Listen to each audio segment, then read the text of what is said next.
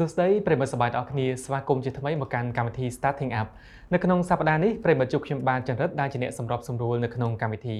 នៅក្នុងកម្មវិធី Starting Up ជារៀងរាល់សប្តាហ៍លោកអ្នកតែងតែបានស្ដាប់នៅរាល់បទពិសោធន៍ជាច្រើនបាទពីភ្ញៀវកិត្តិយសបាទដែលគាត់អញ្ជើញមកពីគ្រប់វិស័យតែម្ដងនៅក្នុងសប្តាហ៍នេះគឺកាន់តែថ្មីនិងប្លែកទៀតហើយសម្រាប់ប្រិមត្តទស្សនិកជនទាំងអស់គ្នានឹងទទួលបាននៅបទពិសោធន៍ ជាច្រើនបាទពីសហគ្រិនជាស្ត្រីខ្មែរមួយរូបប៉ុន្តែខ្ញុំជឿជាក់ថាប្រិមិត្តប្រហែលជាធ្លាប់បានស្គាល់គាត់កន្លងមកហើយដោយសារតែគាត់ក៏ឧស្សាហ៍ចេញមុខនៅលើប្រព័ន្ធផ្សព្វផ្សាយនានាជាពិសេសគឺសបាយយើងតែងតែធ្វើបទសម្ភាសន៍ពីគាត់តាមរយៈកម្មវិធីផ្លូវទៅស្រុកជាដើមបាទដែលអាជីវកម្មរបស់គាត់គឺធ្វើចេញពីដៃខ្មែរបាទអឺចង់និយាយថាឈ្មោះក្រុមហ៊ុនរបស់គាត់គឺដៃខ្មែរហើយធ្វើចេញពីអឺ បងប្អូនខ្មែរយើងផ្ទាល់ផលិតចេញពីធនធានធម្មជាតិរបស់កម្ពុជារបស់យើងផ្ទាល់ដែលវត្ថុធាតុដើមនៃគាត់យកមកផលិតនោះគឺភាគច្រើនគឺប្រើចេញពីផ្លែដូងបាទហើយ ធាតុផ្សំជំវិញដូងនេះគឺប្រើទាំងអស់តែម្ដងទាំងសបកដូងទាំងសាច់ដូងអីចឹងទៅដែលផលិតផលទាំងអស់នោះត្រូវបានផលិតចេញទៅជាគ្រឿងសម្អាង មានជាសាប៊ូដុសខ្លួនមានជាសាប៊ូកក់សក់មានជាថ្នាំដុសធ្មេញអីជាដើមអញ្ចឹងនៅថ្ងៃនេះបាទប្រិយមិត្តទស្សនិកជនទាំងអស់គ្នានឹងបានជួបជាមួយនឹងវត្តមានរបស់គាត់ទាំងអស់គ្នាដើម្បីចែករំលែកថាតើបាទគាត់មានដំណើរដើមតងបែបណារហូតក្លាយទៅជាម្ចាស់ក្រុមហ៊ុនដៃខ្មែរនេះបាទពីកម្មវិធីក៏មិនភ្លេចទេដល់អ្នកឧបត្ថម្ភនៅក្នុងកម្មវិធីគឺខ្មែរ Enterprise បាទឥឡូវនេះដើម្បីខាតកុំឲ្យខាតពេលវេលាយូរសូមទៅជួបជាមួយនឹងវត្តមានភ្ញៀវកិត្តិយសរបស់យើងទាំងអស់គ្នាតែម្ដងបាទសូមអញ្ជើញបាទជំរាបសួរបងស្រីបាទសុខសប្បាយជាធម្មតាទេបងបាទចាចាសុខធម្មតាបាទមានអារម្មណ៍យ៉ាងណាដែរនៅពេលដែលបានចូលរួមនៅក្នុងកម្មវិធីថ្ងៃនេះផ្ទាល់បាទអឺនិយាយរួមទៅខ្ញុំរៀង surprise ដែរដោយសារជាទូទៅអឺរៀង COVID អញ្ចឹងអត់សូវអត់សូវសម្ភារចាហ្នឹងហើយហើយដល់ពេលហើយបាន ឃើញនៅកម្មវិធី start up អញ្ចឹងខ្ញុំ interesting ខ្លាំងមែនតើដោយសារទី1សបាយតែងតែគ្រប់គ្រងនៅសហគ្រិនខ្មែរយើងហើយតែងតែផ្សព្វផ្សាយសហគ្រិនខ្មែរយើងដើម្បីឲ្យមានទីផ្សារហើយនឹងមានអតិថិជនក៏ដូចជាបងប្អូនខ្មែរគាត់ស្គាល់ចាអញ្ចឹងខ្ញុំរំភើបខ្លាំងមែនទែនដែលបានខាងបងតាក់ទងចាបាទឥឡូវនេះសូមឲ្យជួយណែនាំខ្លួនទៅកាន់ប្រិមត្តទស្សនិកជនយើងតិចទៅបាទចាជំរាបសួរនាងខ្ញុំឈ្មោះវណ្ណថាពេជ្ជការហើយសប្តាហ៍នេះខ្ញុំជាអគ្គនាយិការបស់ក្រុមហ៊ុនដៃខ្មែរ ហើយក្រុមហ៊ុនដៃខ្មែរគឺជាអាជីវកម្មសង្គមមួយដែលយើងផលិតនៅផលិតផលធម្មជាតិដែលយើងបានកែច្នៃចេញពីផ្លែដូងហើយមួយវិញទៀតក៏យើងបានជួយគ្រប់គ្រងទៅដល់ស្ត្រីក្នុងប្រទេសកម្ពុជាឲ្យគាត់ផលិតនៅផលិតផលទាំងអស់ហ្នឹងហើយយើងក៏បានស្វាស្វែងរកនៅគ្រឿងផ្សំធម្មជាតិដើម្បីបង្កើតនៅផលិតផលទាំងអស់នេះមកអញ្ចឹងយើងធានាថាផលិតផលរបស់យើងពិតជាធម្មជាតិសុទ្ធអត់មានលាយនៅប្រភេទគីមីដែលធ្វើឲ្យផោះ ដែលធ្វើឲ្យប៉ះពាល់ដល់សុខភាពស្បែកចា៎បាទអឺខ្ញុំជឿថាប្រិមិត្តប្រហែលជាធ្លាប់បានប្រើប្រាស់ផលិតផលរបស់ដៃខ្មែរកន្លងមកហើយគឺថាគ្រឿងផ្សំបាទសូមអធិស្ឋានបាទគឺរូបមន្តផ្សំបាទហើយនៅវត្ថុធាតុដើមគឺប្រើចេញពីផ្លែដូងហើយអ្វីៗគ្រប់យ៉ាងគឺពីធម្មជាតិសុទ្ធសាធ100%តែម្ដងសូម្បីតែការវេចខ្ចប់ជាដើមគឺអត់មានប្រើប្រាស់ជាមួយនឹងថង់ផ្លាស្ទិកឬក៏អីនោះទេបាទចេញពីធម្មជាតិសុទ្ធសាធដូចជាខ្ញុំបាន ធ្លាប់បានឃើញតាមរយៈការបត់បាក់បង្ហាញកន្លងមកដូចជាយើងប្រើប្រាស់ដើមចេកដើម្បីធ្វើជាការវេចខ្ចប់បាទហើយនៅមានផលិតផលច្រើនទៀតដូចជាថ្នាំដុសធ្មេញហ្នឹងឃើញប្រើចេញពីខ្ជូងដែលផលិតចេញពីសបកដូងត្រឡោកដូងហ្នឹងហើយបាទនៅមាននៅមានផលិតផលជាច្រើនទៀតដែលកែច្នៃចេញពីផ្លែដូងនេះផ្ទាល់តែម្ដងបាទអឺប៉ុន្តែមុននឹងយើងទៅជជែកជុំវិញផលិតផលរបស់យើងចង់ដឹងបន្តិចពីប្រវត្តិដើម តងនៃការបង្កើតក្រុមហ៊ុនដៃខ្មែរនេះឡើងក៏ដូចជាការបង្កើតនៅគំនិតផ្ដួចផ្ដើមផលិតនៅគ្រឿងផ្សំចេញពីធម្មជាតិរបស់ខ្មែរយើងនេះឲ្យចេញជាផលិតផលដែលអាចប្រើប្រាស់បាននៅលើដងខ្លួនរបស់យើងជាគ្រឿងសម្អាងអញ្ចឹងណាបាទពីព្រោះតាមខ្ញុំមើលប្រវត្តិរបស់វិជ្ជការបាទពីមុនគឺជាធ្លាប់ជាតារាម៉ូដែលម្នាក់ដែរនៅក្នុងប្រទេសកម្ពុជារបស់យើងបាទអញ្ចឹងអាចនិយាយពីប្រវត្តិនៃការចូលសិល្បៈរបស់យើងពីដើមទីនឹងយ៉ាងម៉េចទៅហើយបន្តមកទៀតហេតុអីបានជាយើងបោះបង់ចោល ជាអាជីពតារា model ហើយមកងាកផលិតនៅអ្វីដែលជាផលិតផលរបស់ខ្មែរយើងនេះបាទចាចាអឺបើសិនជានិយាយត្រឡប់ថយក្រោយវិញទៅនិយាយរួមទៅខ្ញុំជាកូនអ្នកមិនធូធាហើយក៏មិនក្រពេចដែរក៏ប៉ុន្តែដោយសារខ្ញុំបាត់បង់ម្ដាយអញ្ចឹងទៅខ្ញុំត្រូវតែមកទីក្រុងភ្នំពេញនៅអាយុ16ឆ្នាំហើយយើងបាត់ បោះបង់ការសិក្សាចោលណាពេលហ្នឹងណាព្រោះអីពិបាកខ្លាំងមែនតើក្នុងការចិញ្ចឹមជីវិតខ្លួនឯងអញ្ចឹងខ្ញុំត្រូវតែមករកការងារធ្វើនៅទីក្រុងភ្នំពេញហើយកាលហ្នឹងមានអ៊ំម្នាក់គាត់បាននាំខ្ញុំចូលក្នុងកន្លែងបង្ហាញម៉ូដឈ្មោះសាពណ៌ចាចឹងទៅក្នុងឆ្នាំ2000 2009ខ្ញុំក៏បានអឺចូល work ហាត់ខ្លួនឯងដើម្បីធ្វើជាតារាបង្ហាញម៉ូដ ហើយកន្លងពេលហ្នឹងខ្ញុំទទួលការងារបានរៀងច្រើនគូសំដែរដោយសារអឺខាង support គាត់រៀង professional បាទហើយខ្ញុំអាយុ16ឆ្នាំអឺកម្ពស់យើង1ម៉ែត្រ7ដែរគឺថាសមជាមួយនឹង model ដែរណាអញនិយាយបានអឺចាំបានទេថានៅក្នុងឆ្នាំណាដែរកាលនោះ16ឆ្នាំហ្នឹង2009 2009ចាបាទចាហ្នឹងហើយហើយអឺខ្ញុំទទួលបានការងាររៀងគួរសមដែរពាក់ព័ន្ធជាមួយនឹងការថតរូបក៏ដូចជាការដើរម៉ូដ ចាហើយអឺនៅក្នុងឆ្នាំ2011ខ្ញុំក៏បានអឺបញ្ចប់អឺវិស័យដើរម៉ូដហ្នឹងជាមួយខាងអឺ agency បាទហើយខ្ញុំក៏ចាប់ផ្ដើមធ្វើខ្លួនឯងហើយអឺការធ្វើខ្លួនឯងហ្នឹងគឺរៀងពិបាកគួរសមដែរដោយសារអឺពេលដែលយើងនៅ agency គេរកទីផ្សារយើងស្រាប់បាទចាហើយយើងមាន client យើងគ្រាន់តែទៅជួបគេគេ select model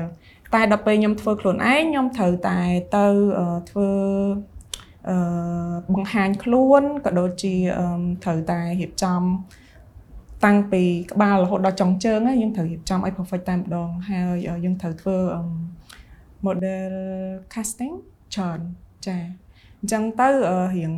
ពិបាកតិចតួចដែរប៉ុន្តែអឺផ្នែកមួយហ្នឹងឯងដែលខ្ញុំអាចអឺបង្កើតអាជីវកម្មខ្ញុំបានដោយសារទីមួយ ពេលដែលយើងធ្វើ freelance model យើងត្រូវតែរកទីផ្សារខ្លួនឯងយើងត្រូវតែតាក់ទងជាមួយនឹងអតិថិជនដោយផ្ទាល់អញ្ចឹងអឺ skill communicate ជាមួយនឹង client ខ្ញុំរៀងមានគូសំចាហើយអឺបន្ទាប់ពីហ្នឹងអឺខ្ញុំបានថតជាមួយនឹងអ្នកអឺ design មកពីអាមេរិកបាទចាអឺក្អាយនេះគឺខ្ញុំបានពាក់របស់គាត់ក្នុងអូថ្ងៃនេះចាបាទហើយអឺក្អាយហ្នឹងគឺគាត់អឺ ធ្វើនៅក្នុងស្រុកខ្មែរហើយបាទអ្វីដែលខ្ញុំស្រឡាញ់ជាងគេគឺ concept zero waste របស់គាត់អញ្ចឹងខ្ញុំបញ្ចប់អាជីព model ក៏ប៉ុន្តែឥឡូវហ្នឹងក៏ខ្ញុំនៅថតជាមួយគាត់ដែរដោយសារខ្ញុំស្រឡាញ់ concept ហ្នឹងហើយមូលហេតុដែលខ្ញុំនិយាយពី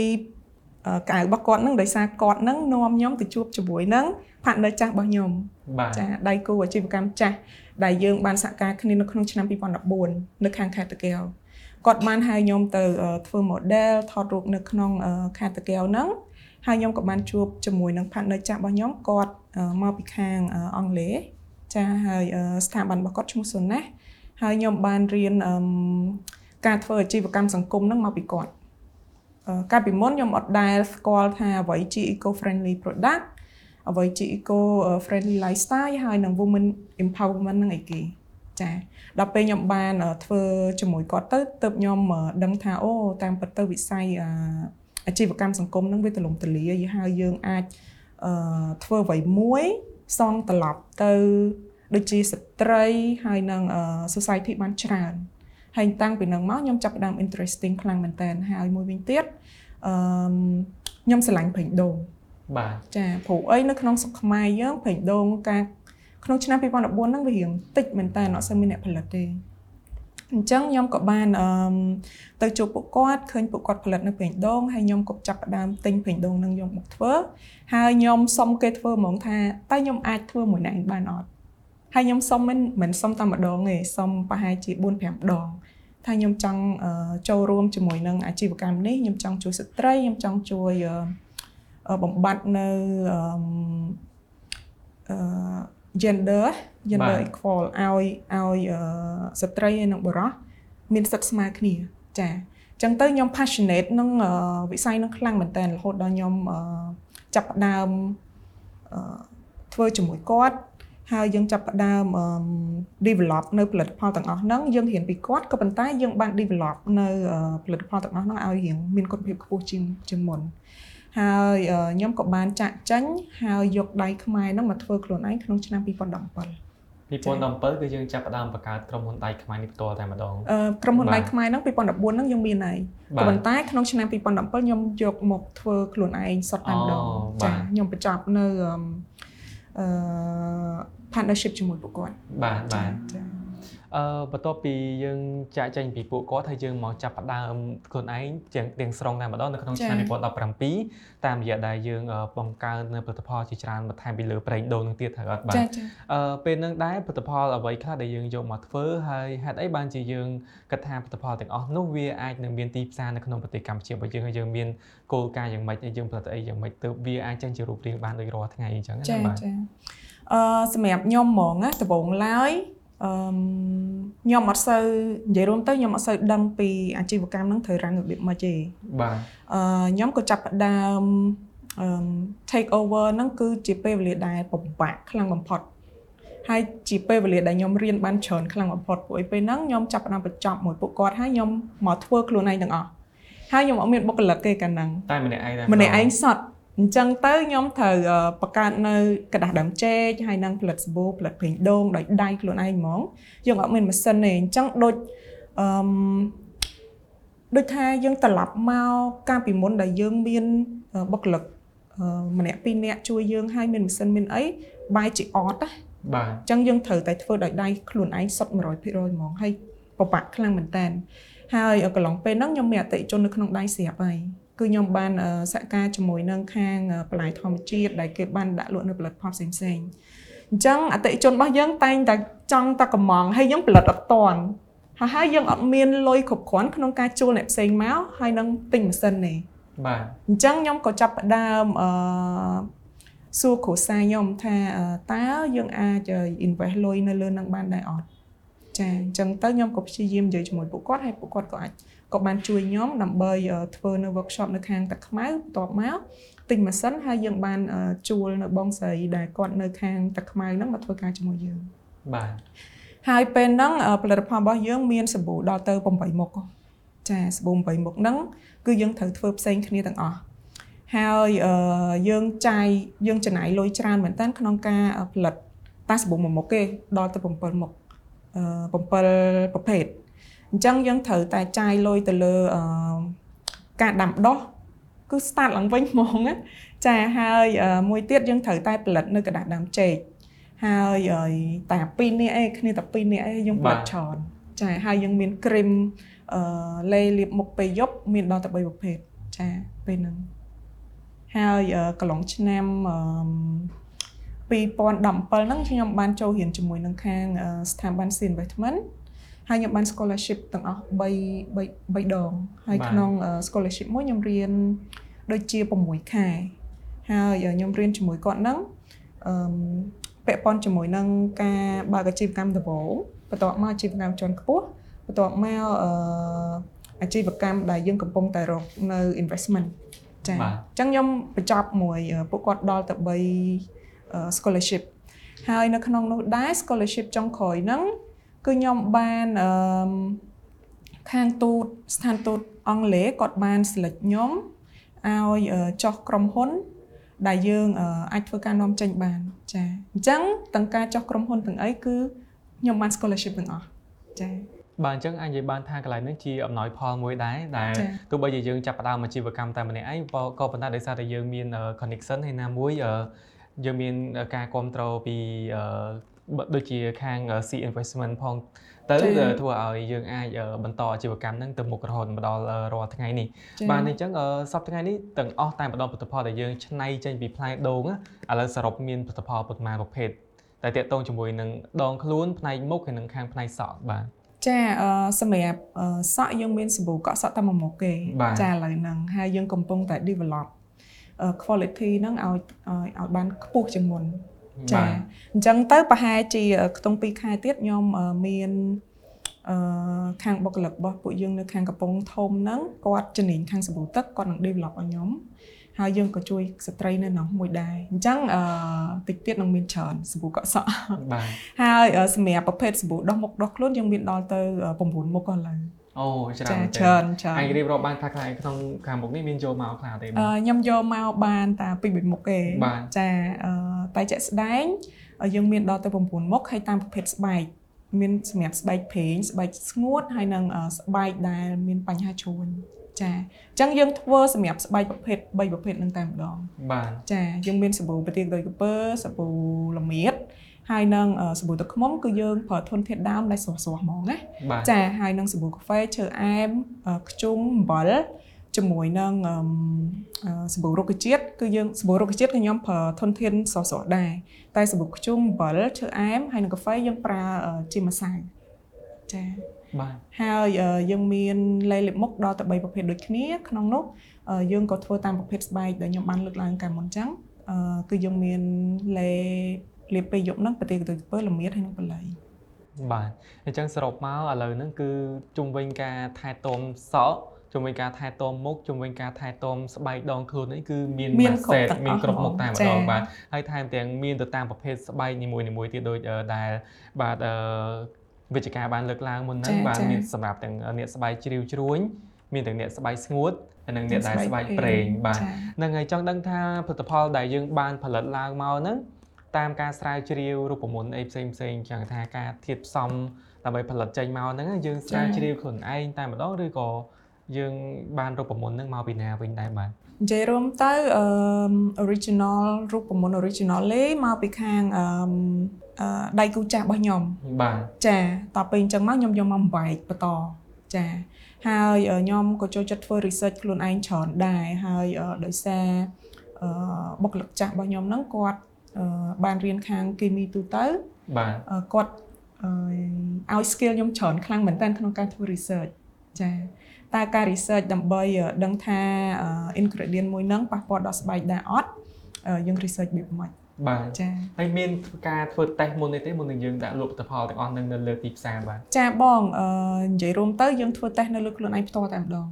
ចាបាទយើងធ្វើតេស្តនៅលើខ្លួនឯងផ្ទាល់ហើយបានយើងយកទៅដាក់ពិនិត្យនៅខាងវិទ្យាស្ថានស្តង់ដារកម្ពុជា ហើយបានយើងបានអឺលេខចុះបផលបានយើងដាក់លក់បាទចា៎ហើយផលិតផលទាំងអស់ហ្នឹងមានចុះបញ្ជីការអីត្រឹមត្រូវទទួលស្គាល់អឺគុណភាពអីត្រឹមត្រូវចាដោយមានផលិតផលមានទូទាំងអស់ដែរបាទមានទាំងអស់យើងមានអឺយើងបានចុះក្រុមហ៊ុនជាមួយនឹងក្រសួងពាណិជ្ជកម្មបាទមានពន្ធត្រឹមត្រូវហើយយើងក៏បានចុះជាមួយនឹងខាងអឺវិទ្យាស្តង់ដារវិទ្យាស្ថានស្តង់ដារកម្ពុជាយកវិជ្ជាប័ណ្ណបត្របញ្ជាក់ថាផលិតផលរបស់យើងពេលដែលប្រើទៅគឺអត់ប៉ះពាល់ដល់សុខភាពហើយនិងស្បែកបាទ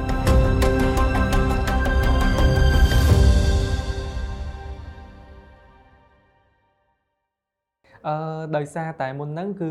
យើងចាប់ផ្ដើមដំបូងឡើយតែប្រេងដូងមុខឯងនៅពេលឥឡូវយើងវិវត្តខ្លួនរហូតដល់មានផលិតផលជាច្រើនមុខបាទទាក់ទងជាមួយនឹងអឺដងខ្លួនរបស់យើង បាទអឺចង់ដឹងថាឥឡូវនេះក្រៅពីដូងយើងមានអីគេទៀតព្រោះមិញហ្នឹងដូចជាវិជ្ជការបានរៀបរាប់ក្រៅពីដូងនៅមានអឺមៀតនៅមានអីអីផ្សេងចា៎ច្រើនទៀតចា៎បាទអញ្ចឹងឥឡូវរាល់ថ្ងៃហ្នឹងអឺវត្ថុធាតុដើមដែលជាធម្មជាតិយើងយកមកប្រើហ្នឹងមានអីគេខ្លះដែរបាទអឺ វត្ថុធាតុដើមដែលយើងយកមកប្រើហ្នឹងមានអឺល្មៀតប្រទាលទុយក្រពើទឹកឃ្មុំហើយនិងបល័យបាទចា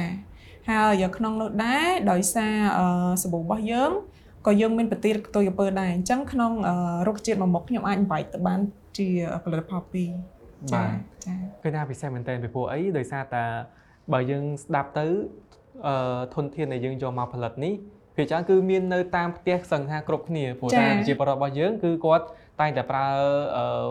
គ្រឿងផ្សំទាំងអស់ហ្នឹងសម្រាប់មុខម្ហូបរបស់គាត់អីអញ្ចឹងណាចាចាប៉ុន្តែនៅពេលដែលបានស្ដាប់បាទការរៀបរាប់របស់វិជ្ជការទើបដឹងថា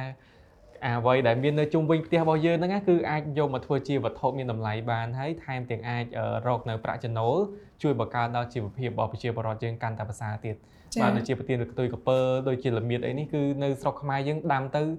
ដឹងតែបានបងហ្នឹងដាំទៅហើយដឹងដោះបងសបោចាខ្លាំងណាស់ចាបាទដូចដូងទៅអីអញ្ចឹងណាចាបាទអឺអ្វីដែលខ្ញុំចាប់អារម្មណ៍មួយទៀតនោះគឺ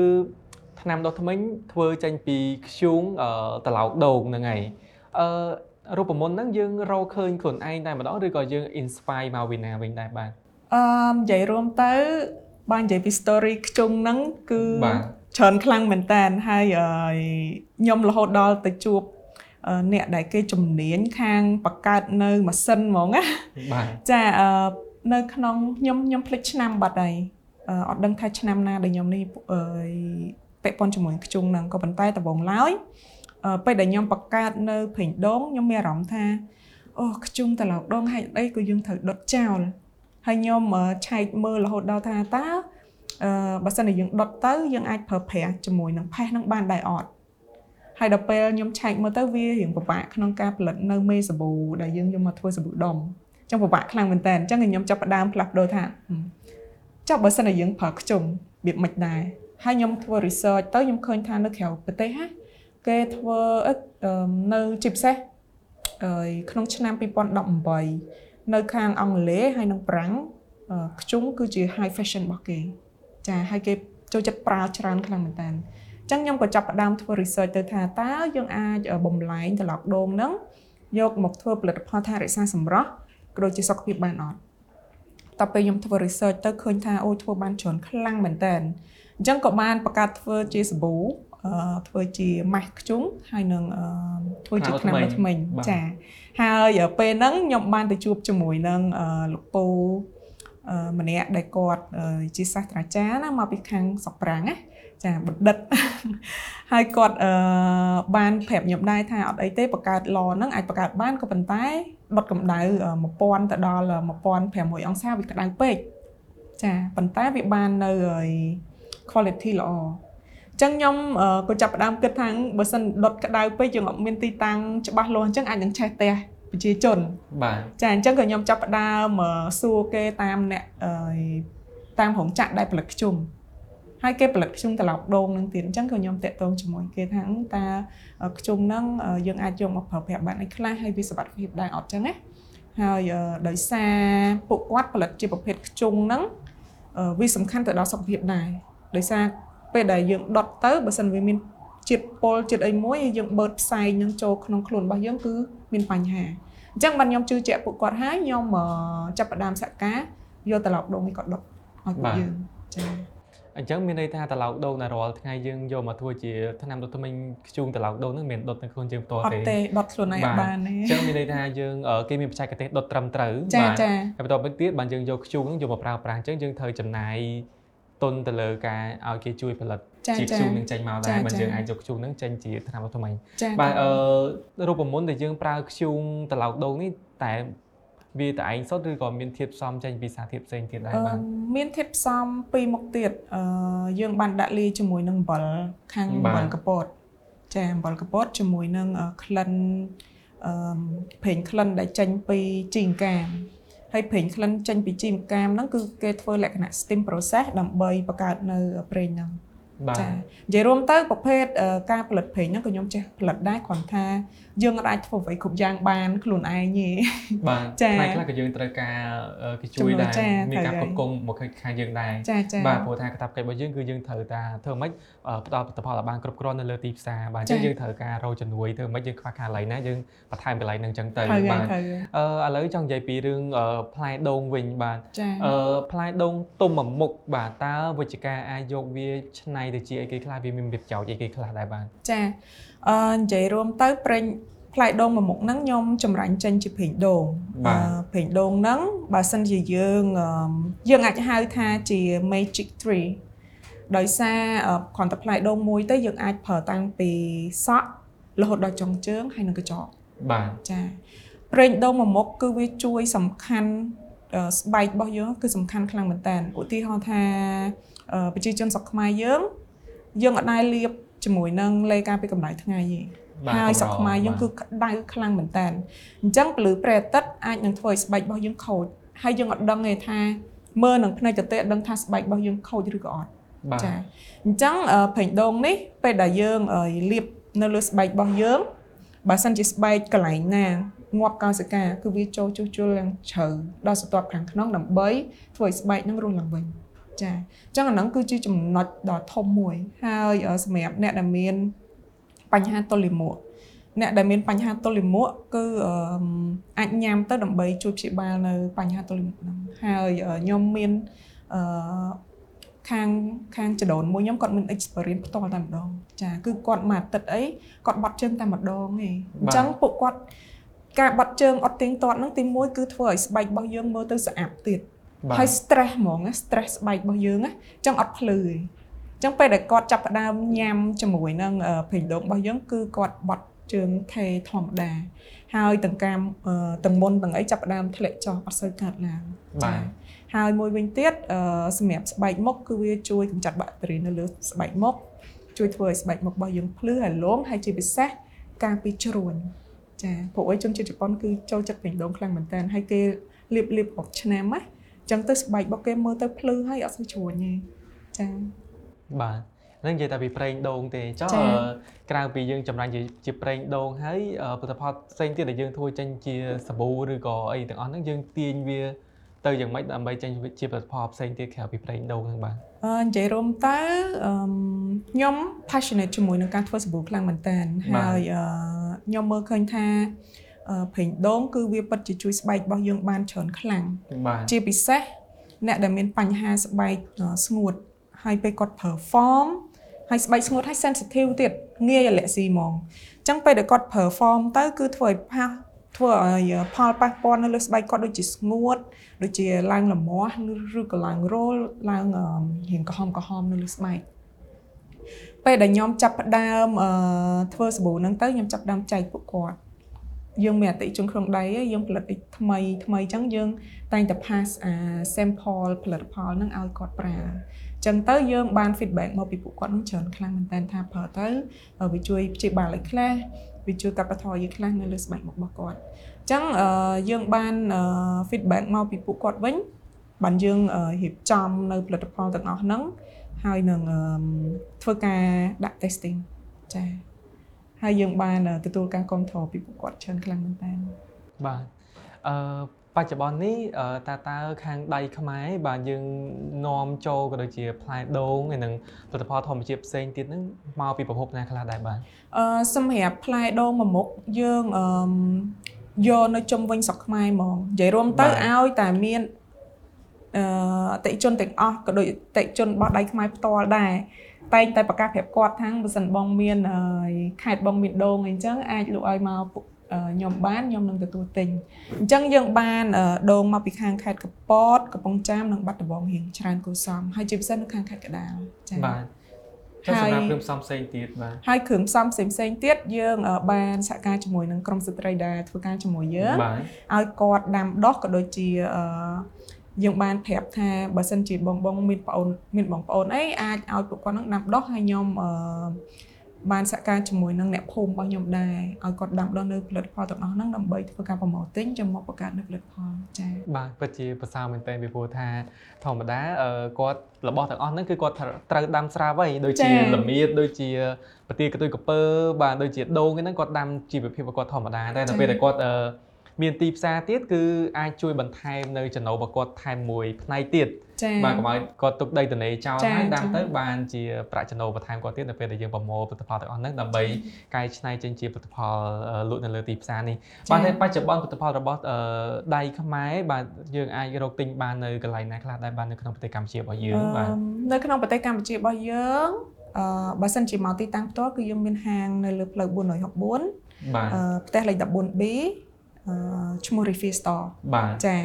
ហើយសម្រាប់ app វិញគឺយើងបានសហការជាមួយនឹង app ខ្មុំ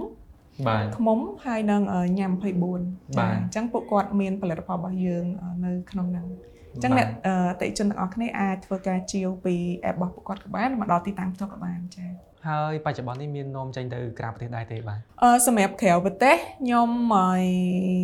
បោះបង់គម្រោងនឹងចោលហើយបាទចាកំពុងតែក្នុងស្រុកទេខ្ញុំចង់ឲ្យអតិជនខ្មែររបស់យើងប្រើនៅផលិតផលខ្មែរបានច្រើនហើយជាពិសេសផលិតផល ដែលជាប្រភេទធម្មជាតិដែលធ្វើឲ្យស្បែកពួកគាត់នឹងស្អាតបានបាទបានយូរមិនបានផ្លែតស្អាតផ្លែត3 4ថ្ងៃស្អាតទេគឺបានយូរតែម្ដងអញ្ចឹងខ្ញុំចង់ឲ្យខ្មែរយើងប្រើនៅផលិតផលនេះបានច្រើន ហើយមួយវិញទៀតគឺខ្ញុំចង់ទៅបើកក្រុមហ៊ុនខ្លួនឯងផ្ទាល់នៅប្រទេសអ៊ីតាលីដោយសារគ្រួសារខ្ញុំគឺនៅខាងហ្នឹងហើយខ្ញុំអឺចង់នាំចេញដល់ខ្លួនឯងផ្ទាល់ហ្មងដោយសារអឺការសហការជាមួយនឹងដៃគូផ្សេងផ្សេងគឺខ្ញុំអត់ទាន់ឃើញ possible ចាអត់ទាន់ឃើញឱកាសហ្នឹងមកអីអញ្ចឹងអឺខ្ញុំគម្រោងនឹងទៅរស់នៅខាងក្រៅហ្នឹងមួយរយៈដើម្បីមើលទីផ្សារហើយយើងអាចធ្វើឲ្យខ្លះបាននៅកន្លែងនោះ ចា៎បាទសិប្បកម្មដៃខ្មែរដែលយើងកំពុងតែផលិតផលផលិតនៅផលិតផលជាច្រើនប្រភេទនេះបាទទីតាំងនៅទីណាបច្ចុប្បន្ននេះហើយយើងមានក្រុមការងារប្រមាណអ្នកដែរបាទអឺសម្រាប់ដៃខ្មែរសិប្បកម្មដៃខ្មែររបស់យើងផ្ទាល់អឺទីតាំងរបស់យើងគឺនៅក្រុងតាខ្មៅខេត្តកដាលនៅភូមិកំពង់សណាញ់ហើយអឺសម្រាប់អឺស្ត្រីដែលធ្វើការជាមួយយើងហ្នឹងឥឡូវហ្នឹងមានតែ2នាក់ទេបាទ ហើយអឺតិចទៀតយើងនឹងពង្រីកនៅខាងកំពង់ធំ ដើម្បីឲ្យគាត់ focus តែសាប៊ូទឹកផលិតតែសាប៊ូទឹកប្រភេទសាប៊ូកក់សក់សាប៊ូដោះខ្លួនហើយនឹងសាប៊ូលាងចានអីអីហ្នឹងគឺដាក់នៅខាងកំពង់ធំទាំងអស់ចាហើយយើងបានតាក់ទងគាត់ហើយហើយគ្រាន់តែថាយើងត្រូវតែធ្វើ workshop នៅខាងនោះមួយទៀតអញ្ចឹងកំពុងតែកម្រោងបាទអឺចុះបច្ចុប្បន្ននេះសម្រាប់ការប្រើប្រាស់ផលិតផលរបស់ដៃខ្មែរពីសំណាក់ប្រជាជនកម្ពុជាឃើញមានសន្ទុះយ៉ាងណាដែរបាទ អឺក្នុងមួយរយៈក្រោយនេះជាពិសេសនៅកំឡុងពេល Covid គឺខ្ញុំឃើញអតិជនខ្មែរយើងត្រឡប់មកប្រើច្រើនខ្លាំងមែនទែនជាពិសេសនៅពេលដែលយើងធ្វើការ live វីដេអូនៅលើ page របស់ដៃខ្មែរសកម្មដៃខ្មែរហ្នឹងគឺឃើញអតិថិជនខ្មែរយើងទិញច្រើនខ្លាំងមែនតើបាទរហូតដល់អឺបើសិនជាយើង compare អឺកាលពីមុនពេលដែលខ្ញុំបើកហាងហ្នឹងខ្ញុំឃើញថាជនជាតិគេមកទិញរបស់យើងហ្នឹងចង់80%អត់សូវមានខ្មែរទេអត់សូវមានខ្មែរ តែឥឡូវហ្នឹងខ្មែរឡើងចង់90%ជនជាតិគេតែបាទ10%វាជាឯងសញ្ញាណប្រសើរមួយដែលចា៎និយាយថាខ្មែរយើងចាប់ផ្ដើមស្គាល់ផលិតផលខ្មែររបស់ខ្លួនឯងហើយគាត់ចាប់ផ្ដើមប្រើតែម្ដងចាចាហើយជាពិសេសពេលដែលគាត់ប្រើហ្នឹងអឺបើសិនជាផលិតផលរបស់យើងអត់ល្អគាត់អត់ត្រឡប់មកវិញត្រូវទេហើយបាទចាអញ្ចឹងទៅអឺគាត់ក៏បាននិយាយតតគ្នាហើយអតិថិជនមួយចំនួនហ្នឹងគាត់ក៏បានខ្លាចទៅជាអ្នកលក់របស់យើងដែរចាបាទ អឺដោយសារតែផលិតផលរបស់ខ្មែរយើងមួយចំនួនគឺគាត់តែងតែមានកង្វល់មួយចំនួនគឺទៅលើលក្ខណៈថាគុណភាពអីអញ្ចឹងណាការទទួលស្គាល់អីអញ្ចឹងទៅហើយមួយទៀតគឺប្រជាជនមួយចំនួនគឺគាត់គិតទៅលើ brand មែនតើចា៎បាទគាត់ប្រើអីគឺគាត់ប្រើហ្នឹងហើយគាត់អត់ងាយផ្លាស់ប្ដូរអាម៉ាញផ្នត់កំណត់របស់គាត់ហ្នឹងឯងប៉ុន្តែចា៎នៅពេលដែលគាត់ចាប់ផ្ដើមប្រើហើយគាត់មកទិញម្ដងទៀតមានន័យថាគាត់ចាប់ផ្ដើម យកផលិតផលរបស់ហ្នឹងអឺផលិតផលហ្នឹងទៅប្រើជាប្រចាំនៅក្នុងគ្រួសាររបស់គាត់ក៏សម្រាប់គាត់ផ្ទាល់តែម្ដងបាទព្រោះថានៅពេលដែលយើងប្រើផលិតផលអីមួយហើយគឺយើងអត់ងាយដូរប្រទេសផ្ដាស់ទេបាទហ្នឹងគឺត្រូវហើយតែប្រើវាជាប្រចាំអញ្ចឹងណាអស់យើងទិញអស់យើងទិញអញ្ចឹងទៅចាចាបាទអញ្ចឹងនៅពេលដែលប្រជាជនរបស់យើងគាត់មានទម្លាប់នៅក្នុងការអស់ហើយគាត់ទិញយកទៅប្រើអញ្ចឹងមានន័យថាផលិតផលយើងចាប់ផ្ដើមដើរនៅលើទីផ្សារអញ្ចឹងណាចាបាទចាហ្នឹងហើយបាទអញ្ចឹងអឺសម្រាប់អឺអឺវិជ្ជការផ្ទាល់បាទអឺគិតថាតើអឺ ដៃខ្មែរយើងនឹងមានជាគោលការណ៍ឬក៏ផែនការយ៉ាងណាទៀតដើម្បីអឺពង្រីកនៅសក្តានុពលក៏ដូចជាការចែកចាយនៅឲ្យកាន់តែទូលំទូលាយជាងបច្ចុប្បន្ននេះបាទអឺមសម្រាប់អឺគោលការណ៍របស់ពួកយើងតែម្ដងឥឡូវហ្នឹងអឺខ្ញុំអឺចង់ឲ្យអឺស្ត្រីក្នុងប្រទេសកម្ពុជារបស់យើងខ្ញុំចង់ fulfill dream របស់ពួកគាត់ដោយអឺពួកគាត់អាចសហការមួយខ្ញុំខ្ញុំអាចផលិតនៅផលិតផលទាំងអស់ហ្នឹងហើយពួកគាត់អាចបង្កើត brand ខ្លួនឯងបានចា ហើយអឺខ្ញុំចង់ផ្ដល់ឱកាសឲ្យពួកគាត់អឺបានធ្វើជាម្ចាស់អឺ brand របស់ខ្លួនឯងណាហើយគាត់ឲ្យមានមានអារម្មណ៍ថាអូខ្ញុំចាប់ផ្ដើមធ្វើមួយខ្ញុំចាប់ផ្ដើមមានរបស់ខ្លួនឯងហើយខ្ញុំអត់ចាំបាច់អឺត្រូវតែអឺមធ្វើការឬក៏ត្រូវតែអឺចាប់ផ្ដើមបង្កើតនៅអាជីវកម្មនឹងអឺពីតូចមករហូតដល់ធំឯងគាត់អាចមាននៅផលិតផលដែលអឺមានទីផ្សារស្រាប់ហើយមួយវិញទៀតគឺអឺផលិតផលដែលដើរហើយអញ្ចឹងគាត់អាចអឺសហការជាមួយយើងមកពិភាក្សាគ្នាទៅថាគាត់ពិតជាចង់បង្កើតនៅ dream របស់គាត់ដែរអត់បាទអញ្ចឹងយើងអាចអឺមគោលការណ៍របស់យើងហ្នឹងគឺចង់ផ្ដល់នៅអឺសុបិនដែលស្ត្រីស្ត្រីគ្រប់រូបដែលគាត់ចង់អូននៅអាជីវកម្មគាត់ចង់អឺអូននៅ brand មួយគឺគាត់អាចមកសហការមួយពួកយើងបានចា៎បាទអញ្ចឹងមានន័យថានៅពេលដែលគាត់អឺ មានកំណត់ហើយតែគាត់ចង់ធ្វើអីប៉ុន្តែគាត់អត់មានន័យថាផ្លូវត្រូវដើរគាត់អត់ដឹងថាដើរតាមផ្លូវណាគាត់ដឹងថាតើធ្វើយ៉ាងណាដើម្បីឲ្យវាកើតឡើងបាទអញ្ចឹងគាត់អាចសហការជាមួយនឹងខាងក្រុមការងារអឺដៃខ្មែរជាពិសេសជាមួយនឹងបងស្រីវិជ្ជការផ្ទាល់ដើម្បីបង្កើតនៅផលិតផលដែលឲ្យចេញជារូបរាងពិតប្រាកដតែម្ដងបាទហ្នឹងហើយបាទអឺអរគុណច្រើនបាទឥឡូវយើងងាកមកកាន់អឺបាទកញ្ញាវិជ្ជការផ្ទាល់ កញ្ញាឬក៏មានគ្រួសារណាមានគ្រួសារបាទអើយបាទព្រោះវិញក្រុមការងារយើងដាក់កញ្ញាវិជ្ជការចាបាទចាហ្នឹងហើយបាទអញ្ចឹងសម្រាប់អឺបងស្រីវិជ្ជការផ្ទាល់តែម្ដងបងគិតថាតើជីវិតបងមកដល់បច្ចុប្បន្នបើយើងធៀបការនៅជាតារា model ហើយនឹងបច្ចុប្បន្នយើងខ្លាយទៅជាម្ចាស់ក្រុមហ៊ុនមួយណាបាទយើងគិតថាវាខុសគ្នាយ៉ាងណាដែរបាទបើធៀបទៅពីមុននេះនិងបច្ចុប្បន្ននេះបាទអឺបើ ធៀបពីមុនហើយនឹងបច្ចុប្បន្នគឺខុសគ្នាឆ្ងាយខ្លាំងមែនតើបាទអឺពេលខ្លះខ្ញុំធ្វើការខ្លាំងពេកខ្ញុំឡើងដល់ថ្នាក់អត់គិតទៅលើរឿងហ្នឹងណាតែអឺពេលខ្លះខ្ញុំអង្គុយចោះវិញហើយអឺយើងអង្គុយគិតមើលតាំងពីដើមរហូតដល់ឥឡូវយើងអាចនិយាយថាពី0រហូតដល់អឺមានក្រុមហ៊ុនខ្លួនឯងរហូតដល់ផលិតនៅផលិតផលទាំងអស់ហ្នឹងឲ្យចេញជារូបរាងបន្ទាប់មកយើងអាចជួយទៅដល់ស្ត្រីក្នុងប្រទេសកម្ពុជាយើងទៀតអញ្ចឹងអឺគឺផ្លាស់ប្ដូរជីវិត ខ្លាំងមែនតើហើយជាពិសេសអឺ journey វិធីដែលយើងដើរមួយមួយមួយមួយហ្នឹងគឺអត់ងាយស្រួលទេចាអញ្ចឹងគឺផ្លាស់ប្ដូរដូច360ដឺក្រេចាបាទ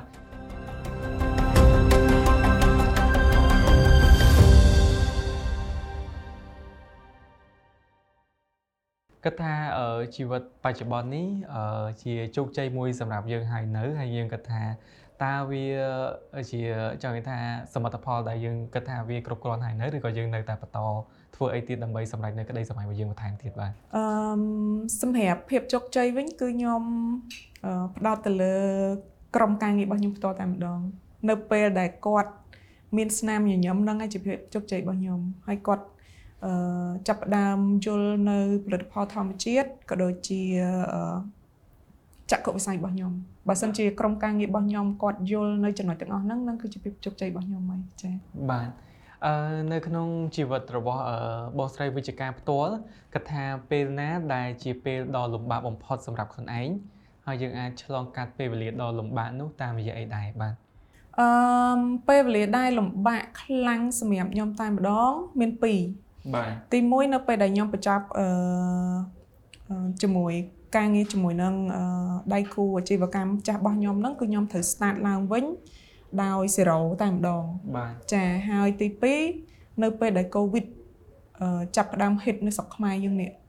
អឺកាលពីមុនខ្ញុំមានហាងកូនហាងទូចមួយនៅខាងខេត្តសៀមរាបហើយដោយសារកូនហាងហ្នឹងបានខ្ញុំបានបង្កើតនៅអឺហាង review store ហ្នឹងកើតឡើងអញ្ចឹងពេលដែល COVID ហ្នឹងអឺចូលមកក្នុងស្រុកខ្មែរយើងខ្ញុំចាប់ផ្ដើមបិទ បិទហាងហើយមួយទៀតគឺខ្ញុំបានអឺបាត់បង់នៅអឺបុគ្គលិករបស់ខ្ញុំដែលធ្វើការមួយគ្នាហ្នឹងគឺយើងបានអឺបញ្ចប់ការងារជាមួយគ្នាបាទដោយសារយើងអាចបន្តការងារជាមួយពួកគាត់បានដោយទៀសារតយើងអត់មាន fund សម្រាប់គាត់ចាហ្នឹងហើយអូបាទអឺមហើយមួយទៀតគឺ sale ចាប់ផ្ដើមធ្លាក់ចុះបាទជាពិសេសនៅក្នុងហាងរបស់យើងគឺអត់មានភ្ញៀវដើរចូលមកតែម្ដងហើយជាពិសេសនៅពេលដែល COVID ហ្នឹង ពេលដែលជ្រុលច្បល់ហ្នឹងគឺយើងអាចឲ្យអតិថិជនហ្នឹងចូលមកក្នុងហាងរបស់យើងបានទេអញ្ចឹងអឺទាំងទាំង brand របស់របស់យើងទាំង brand របស់អឺសិទ្ធិក្រុមស្ត្រីដែលគាត់បានបង្កើតអាជីវកម្មផ្សេងទៀតហ្នឹងគឺលក់អត់បានបាទហើយសម្រាប់ខ្ញុំខ្ញុំជាអ្នកដែល take responsible ខ្លាំងមែនតើអញ្ចឹងពេលដែលខ្ញុំលក់នៅផលិតផលរបស់គេអត់បានខ្ញុំ feel like អឺខ្ញុំមានអារម្មណ៍ថាបាក់ទឹកចិត្តខ្លាំងមែនតើតែម្ដងមិនបាក់ធម្មតាគឺបាក់ខ្លាំងរហូតដល់ខ្ញុំពេលខ្លះ អឺខ្ញុំអត់ចេញក្រៅពីបន្ទប់មួយអាទិត្យខ្ញុំឡើងបាក់ខ្លាំងហើយខ្ញុំមានអារម្មណ៍ថាអឺតែខ្ញុំត្រូវធ្វើអីមួយដើម្បីឲ្យអឺបញ្ហាទាំងអស់ហ្នឹងការវិញចា៎បាទចាប់ផ្ដើមអឺគិតគិតគិតគិតខ្លាំងមែនតើទៅយើងបាក់ទឹកចិត្តប្រហែលជាមួយអាទិត្យតែបន្ទាប់ពីហ្នឹងដោយសារខ្ញុំមានអឺ coaching អឺ coach ប្រចាំអាជីវកម្មរបស់ខ្ញុំគ្រូបកគោល ចឹងទៅខ្ញុំបានពិភាក្សាមួយគាត់ថាអឺតើយើងគួរដើររបៀបម៉េចតើគួរតែលើកទឹកចិត្តខ្លួនឯងនឹងរបៀបម៉េចខ្លះអញ្ចឹងទៅខ្ញុំក៏បានរៀងភាសាឡើងក៏ចាប់ផ្ដើមអឺសហការជាមួយនឹង app ក៏ដូចជា website ហើយនឹងអឺ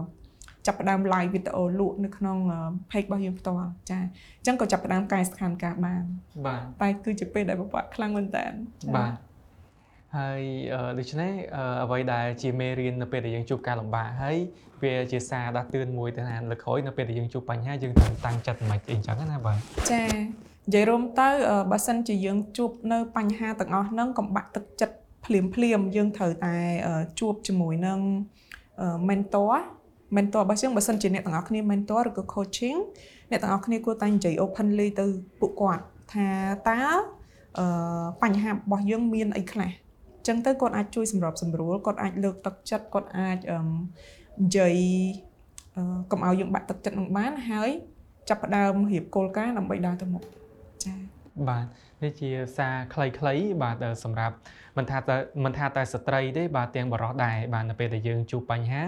អឺយើងតែងតែមានអឺផ្លូវដើរហើយបាទយើងតែងតែមានអឺនៅច្រកចេញណាមួយឯងទោះបីជាវា អឺអាចថាមិន100%យើងដោះស្រាយបានក៏ប្រសើរជាងដែលយើងសង្ងំបាក់ទឹកចិត្តដែរហ្នឹបាទងហើយត្រូវណែហើយអរគុណច្រើនអឺបងស្រីវិជ្ជការបាទអឺហើយសម្រាប់អឺបងផ្ទាល់អឺគិតថាអឺការដែលយើងទទួលបាននៅភាពជោគជ័យអឺមកដល់សប្តាហ៍ថ្ងៃយើងបានប៉ុណ្នេះអឺបងគិតថាអ្នកណាខ្លះដែលជាអ្នកនៅជុំវិញខ្លួនបងបាទ ចាអឺមសម្រាប់ខ្ញុំដើរមកដល់ថ្ងៃនេះគឺមានអ្នកនៅជុំវិញខ្លួនច្រើនមែនទែនហើយខ្ញុំសូមអរគុណទៅដល់អឺអ្នកទាំងអស់គ្នាដែលតែងតែគ្រប់គ្រងនៅអឺក៏ដូចជាឃើញអឺមចក្រវិស័យរបស់ដៃខ្មែរជាពិសេសអឺអរគុណដល់ស្ថាប័ន Shin Investment ដែលគាត់តែងតែអឺមបង្រៀននៅអាជីវកម្មហើយនឹងអឺសម្រាប់ខ្ញុំផ្ទាល់ក៏ដូចជាស្ត្រីដទៃទៀតហើយក៏សូមអរគុណទៅដល់អឺទូតអង់គ្លេសដែលគាត់បានអឺផ្ដល់ឱកាសផ្ដល់នៅ scholarship ទាំងអឺមអឺ program ក៏ដូចជាអឺចុះក្រុមហ៊ុនហើយខ្ញុំសូមអរគុណដល់ខ្មែរ Enterprise សហគ្រិនខ្មែរដែលគាត់បានឲ្យ funding មកអឺបង្កើតនៅអឺមចុះនៅស្ថាប័នរបស់យើង នៅក្នុងបញ្ជីអឺក្នុងស្ថាប័នឧស្សាហកម្មហើយនិងសិប្បកម្មក៏ដូចជាបាននៅអឺការចុះបញ្ជី certificate របស់ផលិតផលរបស់យើងក៏ដូចជាក្នុងវិទ្យាស្ថានសង្តាកម្ពុជាចាប់មានចប់បផយត្រឹមត្រូវហើយអតិជនទទួលស្គាល់ហត្ថខ្លាំង ហើយខ្ញុំសូមអរគុណដល់ពួកគាត់ដែលបានផ្ដល់នៅ funding មួយនេះគឺធំខ្លាំងមែនតើបើសិនជាអត់មានពួកគាត់ទេក៏ខ្ញុំអត់មានដល់ថ្ងៃនេះដែរដោយសារគម្រោងរបស់យើង គឺយើងចោះនៅ3ឆ្នាំក្រោយចា៎ប៉ុន្តែដល់ពេលយើងបាន fund ពួកគាត់មកគឺកាត់បោះ កាត់ process របស់យើងគឺច្រើនខ្លាំងមែនតើអញ្ចឹងសូមអរគុណដល់សហគ្រិនខ្មែរដែលបានផ្ដល់ឱកាសដល់ពួកយើងចា៎បាទអរគុណច្រើនមែនតើនេះគឺជាអ្នកដែលនៅពីក្រោយភាពជោគជ័យរបស់យើងទោះបីជាយើងមានសមត្ថភាពបើយើងមានគំនិតយ៉ាងណាក៏ដោយប៉ុន្តែក៏មិនអាចចោលបានឬក៏ខ្វះបានដែរនៅដៃគូជ្រុំជ្រែងឲ្យយើងមាននៅថ្ងៃនេះដែរបាទសម្រាប់បងស្រីវិជ្ជការផ្ទាល់ក្នុងនាមយើងជាស្ត្រីមួយរូបហើយយើងធ្វើអាជីវកម្មមួយដែលចាប់ផ្ដើមចេញពី អាជីវកម្មធ្វើដោយដៃហើយយើងកែច្នៃផលិតផលថ្មីតែម្ដងនៅក្នុងទីផ្សារប្រទេសកម្ពុជារបស់យើងណាគាត់ថាខ្លួនឯងមានផលលំបាកយ៉ាងណាដែរព្រោះថាធម្មតាយើងត្រូវប្រើកម្លាំងហើយយើងត្រូវប្រើគំនិតនឹងទៀតដើម្បីឲ្យផលិតផលទាំងអស់ហ្នឹងបានទៅដល់ដៃអ្នកប្រើប្រាស់បាទអឺនិយាយរួមទៅមានផលវិបាកច្រើនខ្លាំងមែនតើដោយសារទី1ដោយសារអាជីវកម្មរបស់យើងគឺជាអាជីវកម្មដែលប្រើផ្លាស្ទិក បាទអញ្ចឹងរាល់ពេលដែលខ្ញុំចង់បង្កើតនៅផលិតផលអីមួយខ្ញុំតែងតែគិតហ្មងថាតើយើងគួរតែប្រើធនធានវិចខ្ចប់អីដែលអត់ប៉ះពាល់ដល់បរិស្ថានកាលពីមុនសាប៊ូរបស់យើងអត់មានកញ្ចប់អញ្ចេះទេយើងអត់មានវិចខ្ចប់អីទាំងអស់គឺយើងលក់អឺដោយទៅទេទៅទេឬក៏ដាក់ច្រដប សម្រាប់សាប៊ូដុំខ្ញុំច្រកជាថង់កណាត់បាទណែប៉ុន្តែដោយសារថង់កណាត់ហ្នឹងពេលដែលយើងចាប់ផ្ដើមធ្វើទៅវាតម្លៃខ្ពស់ពេកបាទអញ្ចឹងយើងអត់អាចទៅមុខរួចទេអញ្ចឹងក៏ខ្ញុំចាប់ផ្ដើមកែច្នៃនៅกระดาษដើមចេកហ្នឹងហើយកាលពីមុនយើងមានអឺផ្លាកមានអីបិទពីលើតែបន្ទាប់មកខ្ញុំចាប់ផ្ដើមថាខ្ញុំអត់ចង់ប្រើនៅផ្លាកហ្នឹងឯងខ្ញុំចង់ធ្វើមិន print នៅលើกระดาษហ្នឹងឲ្យបានអញ្ចឹងយើងតែងតែគិតពីការវិចខ្ចប់ហ្នឹងជាធំ ហើយធ្វើឲ្យទីផ្សាររបស់យើងរៀងទូចដែរដោយសារយើងមាន limit ក្នុងការវិចខ្ចប់ចាបើតាមធម្មតាបើយើងអត់ប្រកាន់ភ្ជាប់នៅផ្លាស្ទិកហ្នឹងគឺយើងមិននឹងដើរដល់ណាបាទចាក៏ប៉ុន្តែខ្ញុំតែងតែគិតថាខ្ញុំចង់បង្កើតនៅផលិតផលមួយដែលខុសពីផលិតផលផ្សេងផ្សេងហើយជាពិសេសអឺខាងគ្រឿងថែរក្សាសម្រស់លក្ខណៈ personal care product ហ្នឹងគឺអត់សូវមានទេដែលជាប្រភេទ plastic free ចាអញ្ចឹងគឺពួកយើងចង់បង្កើតហើយចង់ inspire ទៅដល់ម្ចាស់អាជីវកម្មផ្សេងផ្សេងដែលផលិតនៅផលិតផលធម្មជាតិថែរក្សាសម្រស់ហ្នឹងឲ្យគាត់មកមើលការងាកមកមើលវិញថាតើយើងគួរតែអឺការពីបរិស្ថានយើងរបៀបមិនខ្លះតើយើងអាចមានវិធីសាស្ត្រអីក្នុងការ design នៅការវិចខ្ចប់ដើម្បីការពារចា៎បាទ អឺដោយសារតែយើងប្រកាន់គោលការណ៍អត់ប្រើប្រាស់ផ្លាស្ទិកបាទហើយវាក៏ជាអាចនិយាយបានថាឧបសគ្គមួយដែលនាំឲ្យអាជីវកម្មរបស់យើងវាដើរយឺតជាងផ្សេងព្រោះថាធម្មតានៅពេលដែលគេប្រើផ្លាស្ទិកគេដឹងវិចខ្ចប់វិចខ្ចប់ទៅវាស្រួលអញ្ចឹងណាតែនៅពេលដែលយើងប្រកាន់គោលការណ៍ថាអត់ប្រើផ្លាស្ទិកហើយយើងគិតគូរដល់បរិស្ថានមូលហេតុអីដែលចង់និយាយថាធ្វើឲ្យយើងមិនព្រមផ្លាស់ប្ដូរផ្នត់កំណត់របស់យើងទៅប្រើផ្លាស្ទិកអញ្ចឹងណាបាទដោយសារ នៅពិភពលោកយើងទាំងមូលនេះឥឡូវហ្នឹងមានផលប៉ះពាល់ច្រើនមែនតើទៅលើអាកាសធាតុចាហើយអាកាសធាតុហ្នឹងមួយផ្នែកមួយចាស់តម្រាំតែសមុទ្រហើយនឹងត្រី ហើយនឹងសត្វសមុទ្រក៏ដូចជាសត្វផ្សេងផ្សេងដែលវាដឹងឯងបើមនុស្សយើងយើងមានសតិយើងមានញៀនដឹងថានឹងជាផ្លាស្ទិកយើងញ៉ាំអត់បានទេតែគ្នាជាសាតត គ្នាមិនដឹងណាអញ្ចឹងទៅគ្នាអាចនឹងស៊ីអាប្រភេទផ្លាស្ទិកហ្នឹងចូលទៅក្នុងពោះងាប់ហ្មងចាហើយមួយវិញទៀតវាអាចប៉ះពាល់ទៅដល់យើងដូចគ្នាបើសិនជាអឺផ្លាស្ទិកទាំងអស់ហ្នឹងទៅដល់សមុទ្រក្តាមបកងមឹកហើយនឹងត្រីផ្សេងផ្សេងវានឹងស៊ីផ្លាស្ទិកហ្នឹងចូលក្នុងពោះហើយនឹងឯកសារផ្សេងផ្សេងនៅលើពិភពលោកគេបានតេស្តសត្វសមុទ្រទាំងអស់ហ្នឹងមានហើយវាមានផ្លាស្ទិកនៅក្នុងហ្នឹងហើយ ចោះរំតែយើងយកអឺមហូបយកសត្វទាំងអស់ហ្នឹងមកញ៉ាំចូលក្នុងពុះទៀត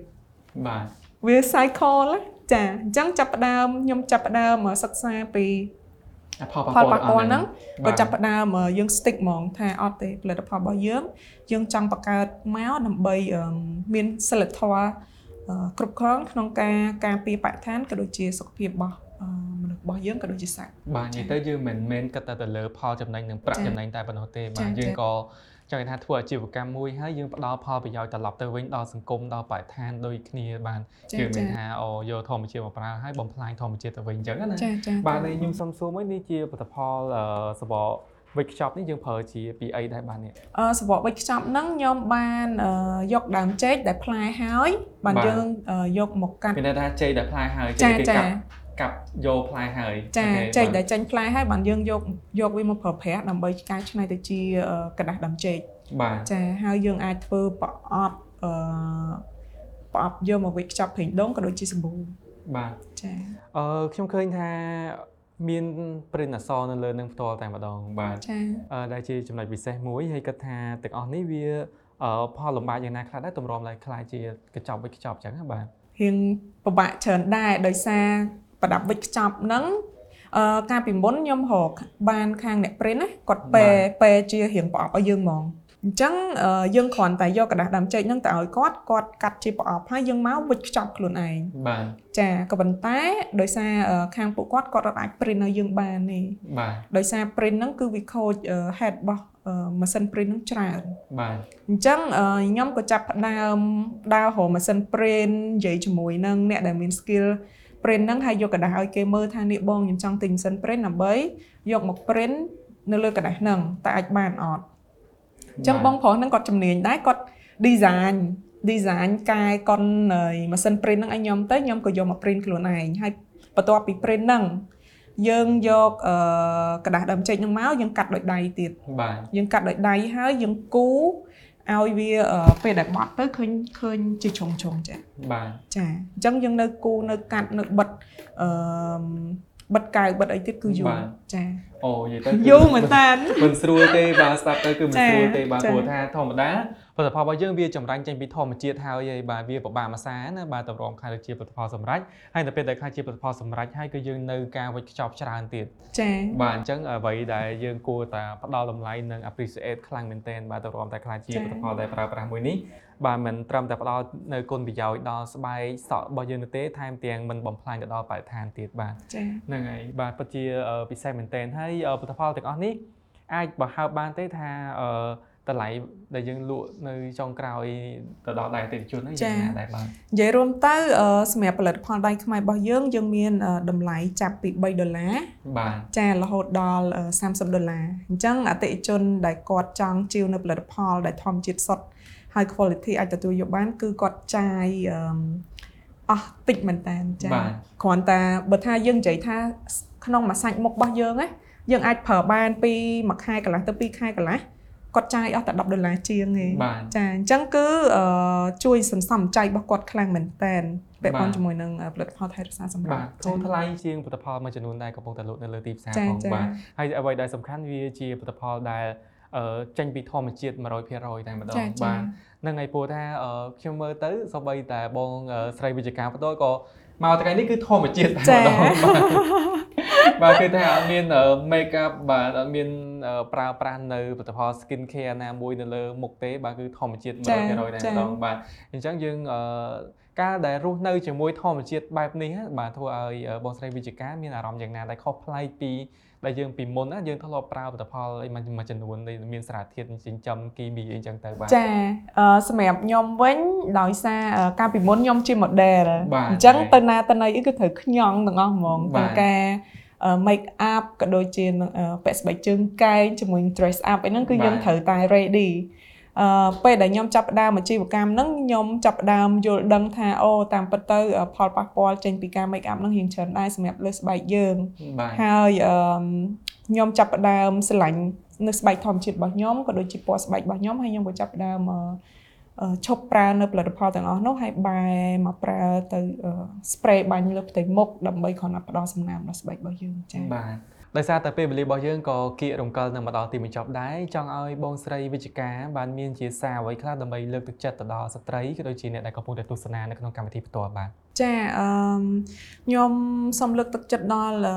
បងបងស្រីស្រីក៏ដូចជាអឺ